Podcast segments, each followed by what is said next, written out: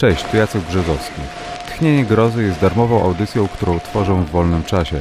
Jeśli chcesz wesprzeć Tchnienie Grozy, wejdź na stronę patronite.pl ukośnik Tchnienie Grozy.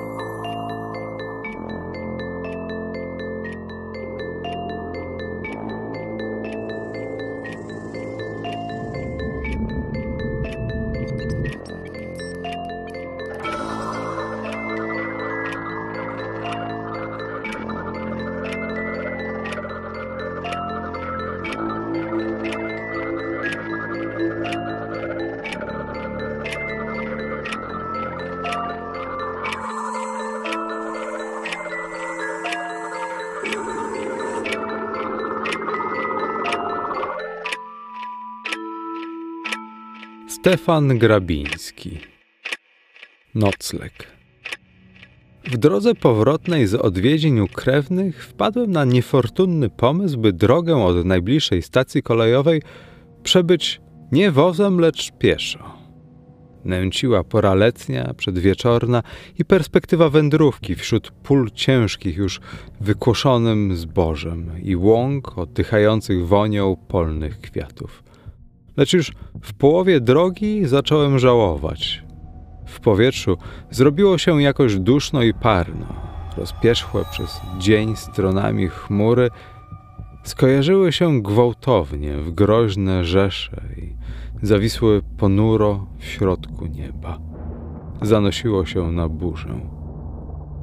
Pomykałem kroku, by dotrzeć do przystanku kolejowego przed wybuchem żywiołu i dla uproszczenia drogi rzuciłem się na przełaj przez las.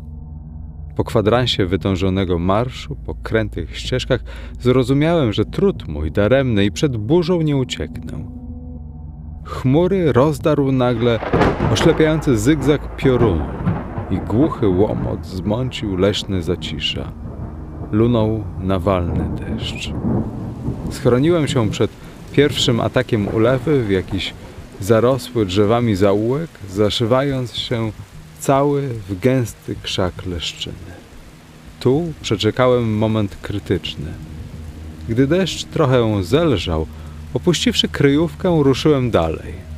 Teraz szło się trudniej po rozmokłym, śliskim od dżdżu gruncie. Parę razy potknąłem się i omal nie wywróciłem na jakiejś złamanej gałęzi. Na domiar złego ściemniło się i słabo orientowałem się wśród ścieżek i ścieżyn. Po półgodzinnym chodzie, na pół przesiąkły dżdżem, znużony, wypatrywałem zbawczej drogi. Doszedłem do smutnego wniosku, że Zmyliłem zupełnie kierunek i zgubiłem się w lesie. Położenie było fatalne. Zapaliłem zapałkę, by przy jej blasku stwierdzić na zegarku, że jest już godzina siódma wieczorem, że o pociągu ani marzyć, bo pora mocno spóźniona. Deszcz wprawdzie ustał, lecz ewentualność spędzenia nocy w lesie na wilgotnej ziemi nie uśmiechała mi się wcale. Instynktem tonącego chwyciłem się uporczywie jakiejś ścieżki i nie oglądając się ani w prawo, ani w lewo, zacząłem pędem biec między dwoma szeregami koślawych sosen. Ruch rozgrzał mię i podwoił siły. Po upływie kilkunastu minut zamajaczyła poręba, a w chwilę potem wydostałem się z przeklętego lasu na czyste, puste jak okiem sięgnąć pole. Byłem na jakiejś drożynie, która wciśnięta głęboko niby parów w ramy zagonów biegła w ciemniejącą dal. Postanowiłem iść nią, nie zmieniając kierunku, w nadziei, że prowadzi do wsi lub przysiółka. Na chwilę, wychylony z obłoków księżyc, skrył się z powrotem. Szedłem po ciemku. Zaczął mrzyć znowu drobny, przejmujący do szpiku deszczyk. Było mi zimno, w lekkim spacerowym ubraniu bez zarzutki. Dążyłem przed siebie w absolutnej ciemności, od czasu do czasu wyciągając ręce, by zbadać zbocza parowu w obawie, czy nie schodzą z drogi. Raz natrafiłem na jakąś jamę i z trudem tylko wydobyłem się z chlupoczącej deszczówki. Szedłem dalej. Grunt powoli jakby podnosił się. Parów przechodził do jednakowego poziomu z polami. Wyczułem pod nogami zarosłą trawą przykopę, która rozdzielała podwójny tor kolei. Po czasie doszedł mnie z prawej strony zapach czeremchy. Przyspieszyłem kroku, wciągając z rozkoszą woń. Była teraz mocniejsza i zmieszana z zapachem akacji. Niewątpliwie zbliżałem się do jakiejś wsi lub dworu. Nade mną odezwał się rozłożysty szum drzew. Wytężyłem oczy w kierunku poszumu, lecz nie spostrzegłem nic. Panowała bezwzględna, czarna jak kir. Po twarzy musnęła mię mokra gałąź, oblewając kaskadą kropel. Otarłem oczy i sięgnąłem ręką w górę, by pochwycić gałąź. Zamiast niej palce objęły sztywne drewno sztachet. Sad, pomyślałem z uczuciem radości, lub park dworski. W każdym razie znajdę przytułek na noc.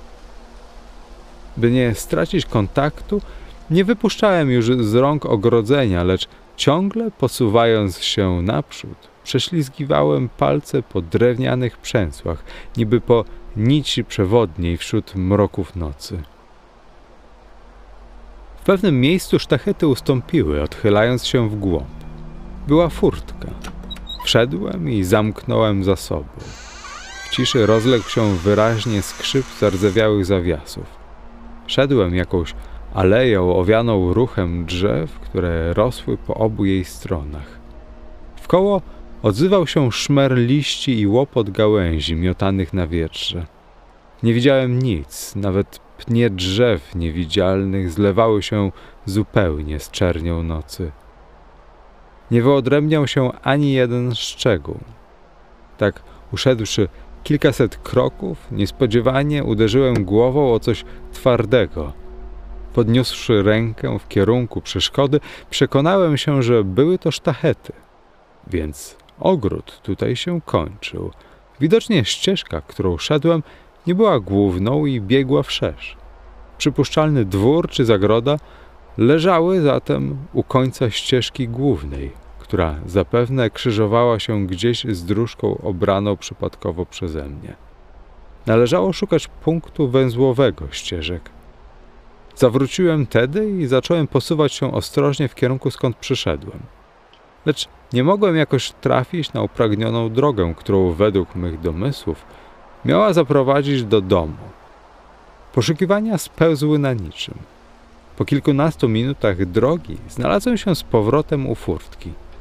Zrozpaczony niepowodzeniem, przemokły do nitki, Podjąłem trud od nowa, postanawiając teraz iść tylko brzegiem prawym i najpierw przypatrzeć jak najdokładniej tę stronę. Zaledwie przeszedłem parę kroków, potknąłem się o jakiś wystający pniak. Padając odruchowo, wyciągnąłem ramię, by uchwycić się drzewa lub krzaku. Wtedy zamiast pnia, ręka natrafiła na węgieł jakiegoś budynku. Zatrzymałem się, wodząc dłonią po jego ścianie. Była drewniana, zbita z niewygładzonych tarcic. Tak namacałem drzwi zamknięte na kołek. Zawahałem się wejść czy szukać dalej. Chyba dworem ta buda być nie mogła. Rozstrzygnęło ogromne znużenie. Nagle uczułem, że dalej już iść nie zdołam. Dreszcz gorączki wstrząsał mną już od chwili. Zapukałem. Z wnętrza nikt nie odpowiedział. Przyłożyłem ucho do ściany, nasłuchując. Cisza zupełna. Zniecierpliwiony wyrwałem kołek i całym sobą pchnąłem drzwi. Otworzyły się bez oporu. Uczułem woń świeżego siana i zgaszonych świec. Szczególna kombinacja, pomyślałem, zamykając za sobą skwapliwie wejście. Dobry wieczór, odezwałem się głośno. Dobry wieczór, odpowiedziało echo. Przestrzeń, do której wszedłem, była pustą. Głos dudnił jak w beczce. Potarłem zapałkę jedną, drugą, niestety odmówiły posłuszeństwa. Przemokły wraz ze mną. Trzeba było zrezygnować ze światła. Po omacku przesunąłem się wzdłuż ścian, dotykając ich powierzchni. W drugiej z rzędu wnęce zatrzymał mnie jakiś przedmiot, który potrącony nogą zadudnił głucho. Chciałem go wyminąć i pójść dalej, lecz ręka trafiła na próżnię i wpadłem w jakieś wnętrze. Sprzęt był widocznie wydrążony. Co u licha? Pomyślałem, czepiając się wystającego brzegu. Niecka czy koryto? Wreszcie wydobyłem się na zewnątrz. Zrobiło mi się nagle jakoś nieswojo. Gdzie jestem? krzyknąłem na cały głos. Milczenie. Stałem, łowiąc uchem śmiertelną ciszę. Najlżejszy oddech nie mącił głuszy nocy. Słyszałem tylko przyspieszone uderzenia własnego serca. Podjąłem wędrówkę po izbie. Po chwili nogi wplątały się jakieś chusty czy odzienie porzucone na podłodze. Schyliłem się, podniosłem. Był to podarty, wilgotny łachman, cuchnący zgnilizną i zapachem starych łojowych świec. Odrzuciłem go z obrzydzeniem. Znużony mózg snuł domysły na temat miejsca. Może buda sadownika dworskiego lub wyszła z użycia stebnik? Ponętna woń siana zwabiła mię ku środkowi izby. Może będzie się można przespać na nim, choćby na podłodze? Na poziomie piersi wyczułem nagle przeszkodę. Jakiś stół czy pryczę zasłanął warstwą świeżego siana. Wyciągnąwszy rękę, błądziłem z lubością po wonnym pościelisku. Tapczan był niezajęty. Znalazłem łoże. Bez namysłu zrzuciłem przemokłą bluzę i położywszy w głowach, wydłużyłem się rozkosznie na posłaniu. Na dworze padał wciąż deszcz. Bębniły po dachu duże, ciężkie krople. Szemrał wiatr w gałęziach drzew. Ukołysany tą monotonią, wyczerpany długą włóczęgą wśród deszczu i burzy, niebawem zapadłem w stan przedsennych marzeń. Przez chwilę trwało zawieszenie między snem a jawą, pełne skłębionych obrazów, kształtów, postaci. Z kolei spadła gęsta, zsiadła mgła. Wreszcie nadpłynęła pierwsza fala snu i przeszła nade mną, pograżając w odmęcie. Wkrótce, porwany sennym nurtem, znalazłem się daleko w otoczeniu zgoła nowym, nieznanym wśród ludzi obcych, wytwornie odzianych. Wnętrze staroświeckiego dworu. Na ścianach tureckie makaty, konterfekty dziadów i broń myśliwska. Jakaś sala duża, jasna, w obłokach tytoniowego dymu. W środku, przy stole zielonym, suknem obciągniętym, grupa mężczyzn w strojach wieczorowych. Grają w karty. Wist. Twarze znużone, zmięte. Zapewne po nieprzespanej nocy. Uwagę skupiają na sobie trzy postacie. Dwóch mężczyzn i kobieta. Piękni ludzie – Zwłaszcza ten blondyn o charakterystycznym angielskim profilu. Rasowy człowiek. Gra nerwowo, jakby roztargniony i przegrywa ciągle. Ciemnofiołkowe oczy, co chwilę podnoszą się z ponad kart i wpijają w bladą, czerwonowłosą panią w szkarłatnym szalu, siedzącą przy tamtym mężczyźnie. Zapewne mężu. Tych dwoje ludzi coś wiąże ze sobą, jakaś mocna, serdeczna tajemnica. Spojrzenie kobiety nie schodzi z twarzy przykrywającego. Twarz męża skupiona, marmurowa. Głęboka rysa przekreśla czoło w okolu bujnej kasztanowej czupryny. Gra równo, spokojnie, tylko od czasu do czasu pochyla się ku dogrywającej świecy po prawej stronie i zapala u jej płomienia papierosa. Wtedy na moment oczy jego, szare, stalowe, szukają oczu przeciwnika i patrzą w nie zimno, z natężoną uwagą. Gra toczy się dalej, nieubłaganym, fatalnym ciągiem. Mijają długie minuty, kwadranse, godziny. Wtem pani nieznacznie pod osłoną szala wyciąga ramię okrągłe, cudnie wyrzeźbione i szuka ręki blondyna. Dłonie ich spotykają się na mgnienie oka, na krótką chwilę i spłoszone cofają z powrotem. Mąż drgnął niespokojnie, gwałtem stłumił odruch podniesionej już ręki. Tylko twarz strzarzała jak popiół. Sfałdowała się w nerwowe, ostre linie i wysiłkiem woli łożyła w maskę obojętności. Zauważył. Blondyn zaczął rozdawać karty. Padły króle, walety, zakręcił się młyńcem na suknie askarowy. Kobieta wstaje i coś mówi. Przeprasza gości, każe podać poranną przekąskę. Przechodząc obok blondyna, musnęła z lekka, niby przypadkiem jego policzek szerokim rękawem kimona. Postać jej znika za portierą w przyległym pokoju. Mężczyźni przeprowadzają odchodzącą ukłonem i wracają do Wista.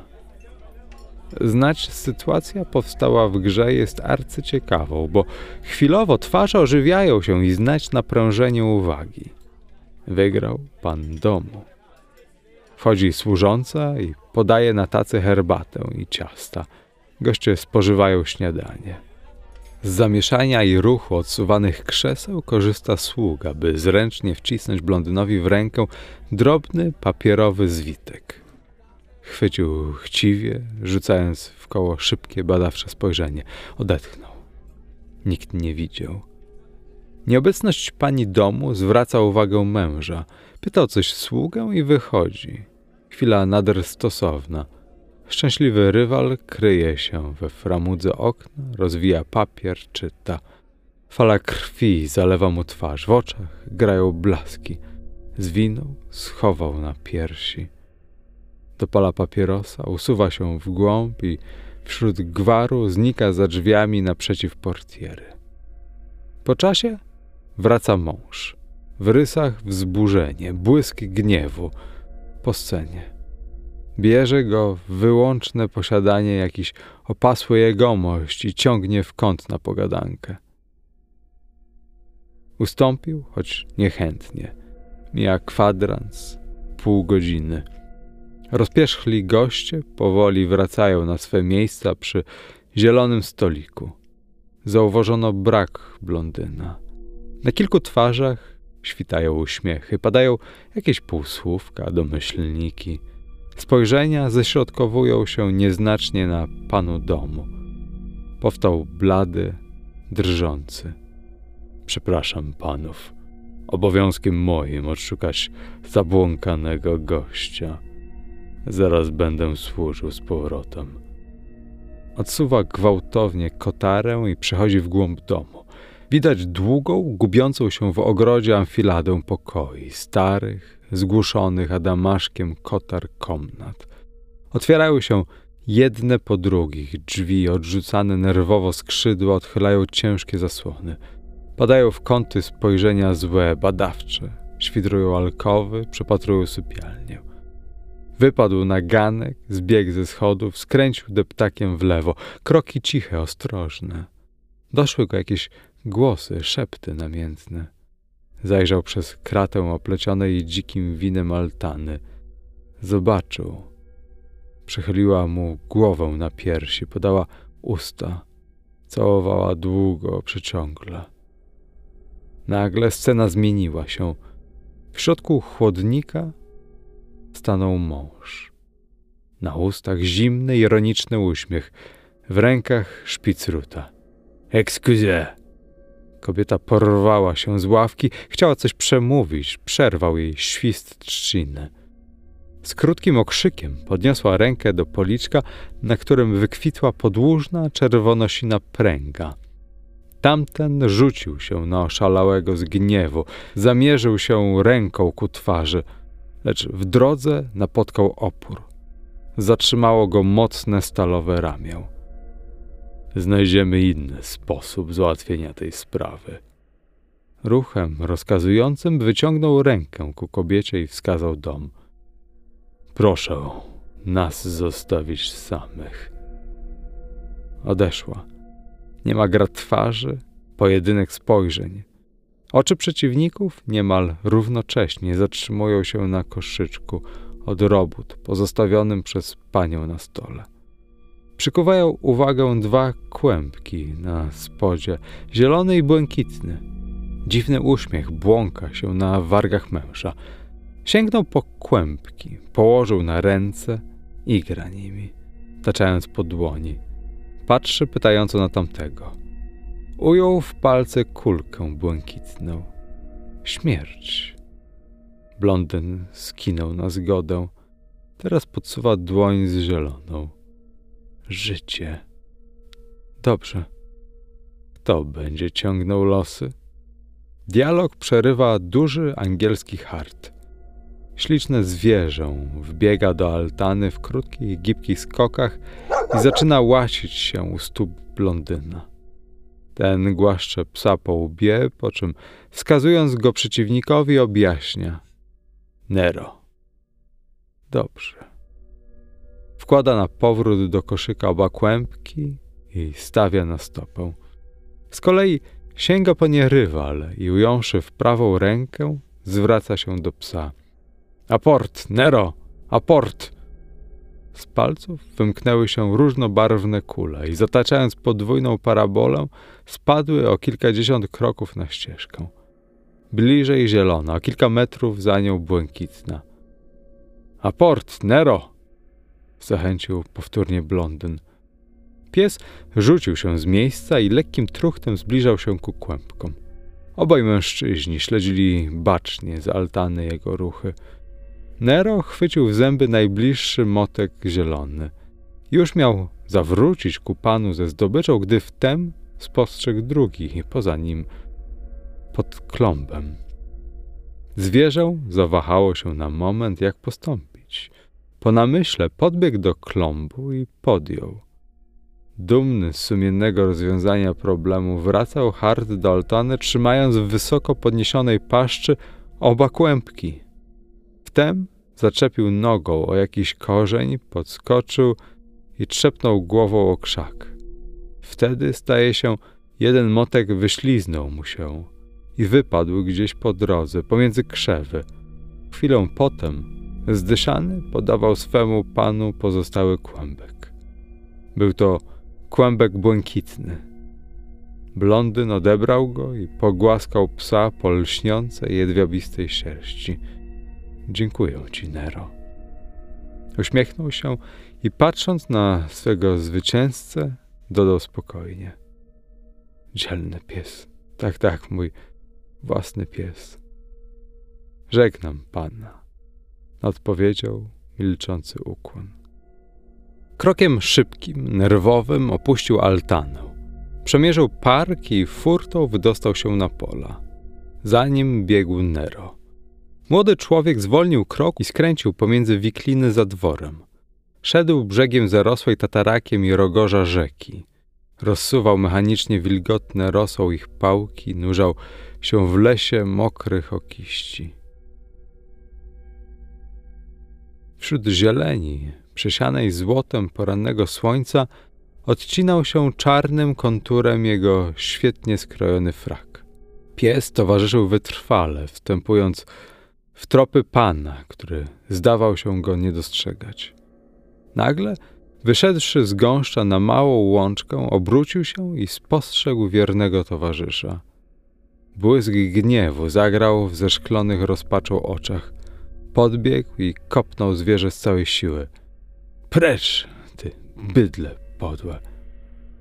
Pies zaskowyczał, zatoczył się i popatrzył z wyrzutem w oczy.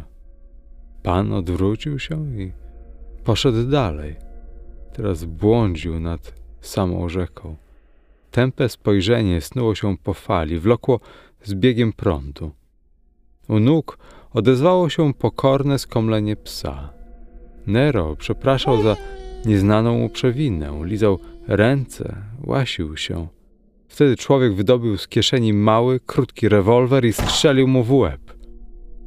Zwierzę wydało cichy jęk i padło u stóp pana, składając roztrzaskaną głowę na wyciągniętych łapach.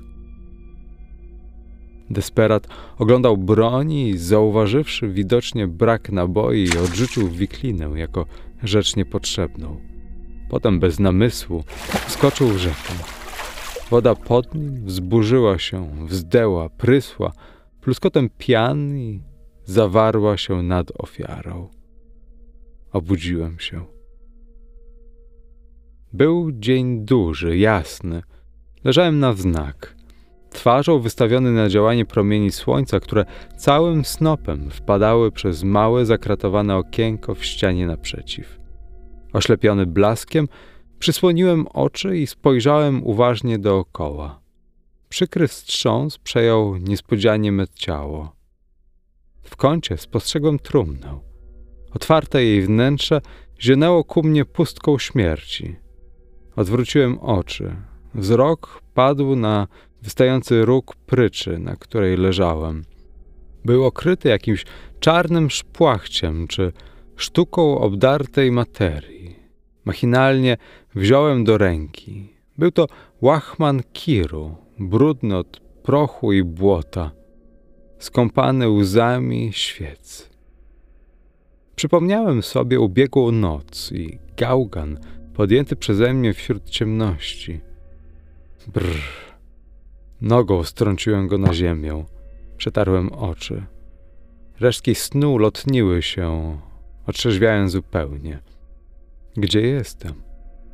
Pod ręką lewą, ukrytą w sianie pościeli, uczułem jakiś twardy przedmiot, który obejmowałem dotąd bezwiednie palcami. Lenistwo nie pozwoliło mi dźwignąć się i przekonać co. Zwróciłem tylko w tę stronę głowę, lecz nie zobaczyłem nic. Spiętrzona ściana słomy i siana przesłaniała mą rękę wraz z trzymanym w niej przedmiotem. Zacząłem poruszać palcami wzdłuż. Szczególne. Teraz miałem wrażenie, że przesuwam je po czymś miękkim, niby po suknie, niby po czyimś rękawie. Nagle zrozumiałem. Ręka moja trzymała w bezwiednim uścisku przez całą noc ramię człowieka. Jednym podrzutem porwałem się z pryczy i usiadłem.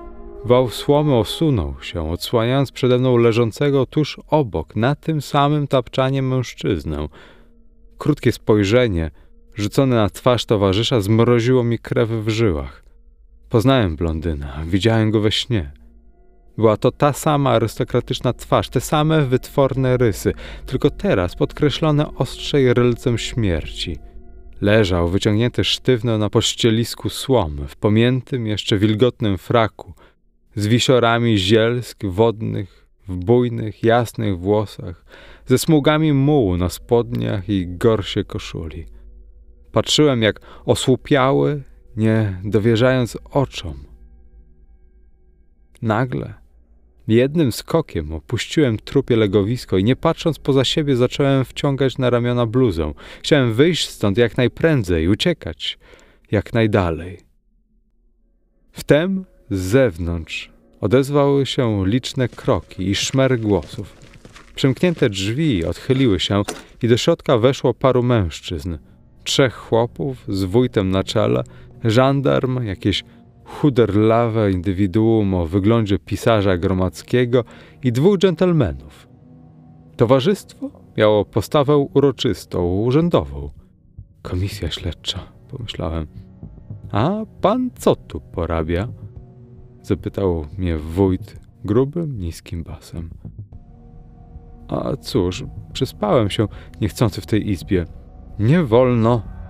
Taż to trupiarnia, zgromił surowo. Wczoraj po nocy zabłądziłem tu, uciekając przed ulewą. Nie wiedziałem, gdzie wchodzą. Winszuję noclegu, odezwał się jeden z inteligentów, szczupły brunet z kozią brudką, zapewne lekarz. Istotnie, dziwnie się trochę spało. Te zwłoki wydobyli tutejsi chłopi wczoraj po południu z wody. Rzeka wyrzuciła na brzeg niedaleko młyna. Panowie, zagadnąłem, zapewne chcą teraz przystąpić do sekcji. Właśnie. Komisja w komplecie. Panie sędzio, zwrócił się do przypadkowego pana w urzędniczej czapce z teką pod bokiem. Czy zaczekamy na przybycie pana Giżyckiego? A właśnie, sam jaśnie wielmożny pan Dziecic. Chórem odpowiedzieli chłopi, robiąc miejsce mężczyźnie, który tejże chwili przekraczał próg kostnicy. Przybyły zdjął szeroki biały kapelusz, panama i objąwszy Mary krótkim rzutem oczu, zbladł jak ściana. Poznałem męża ze snu. Zapanowało głębokie milczenie. Lekarz otworzył duże, orzechowe puzdro i zaczął wydobywać zeń przybory do obdukcji. Połyskiwały pod światło zimne ostrza lancetów. Legał się metaliczny dźwięk rozkładanych w porządku nożów i pincet. Wtedy, milcząco skłoniwszy się obecnym, opuściłem wnętrze. Za drzwiami przywitał mię, skąpany w rosach porannych, zbrzmiały brzękiem owadów i ptaszków cmentarz.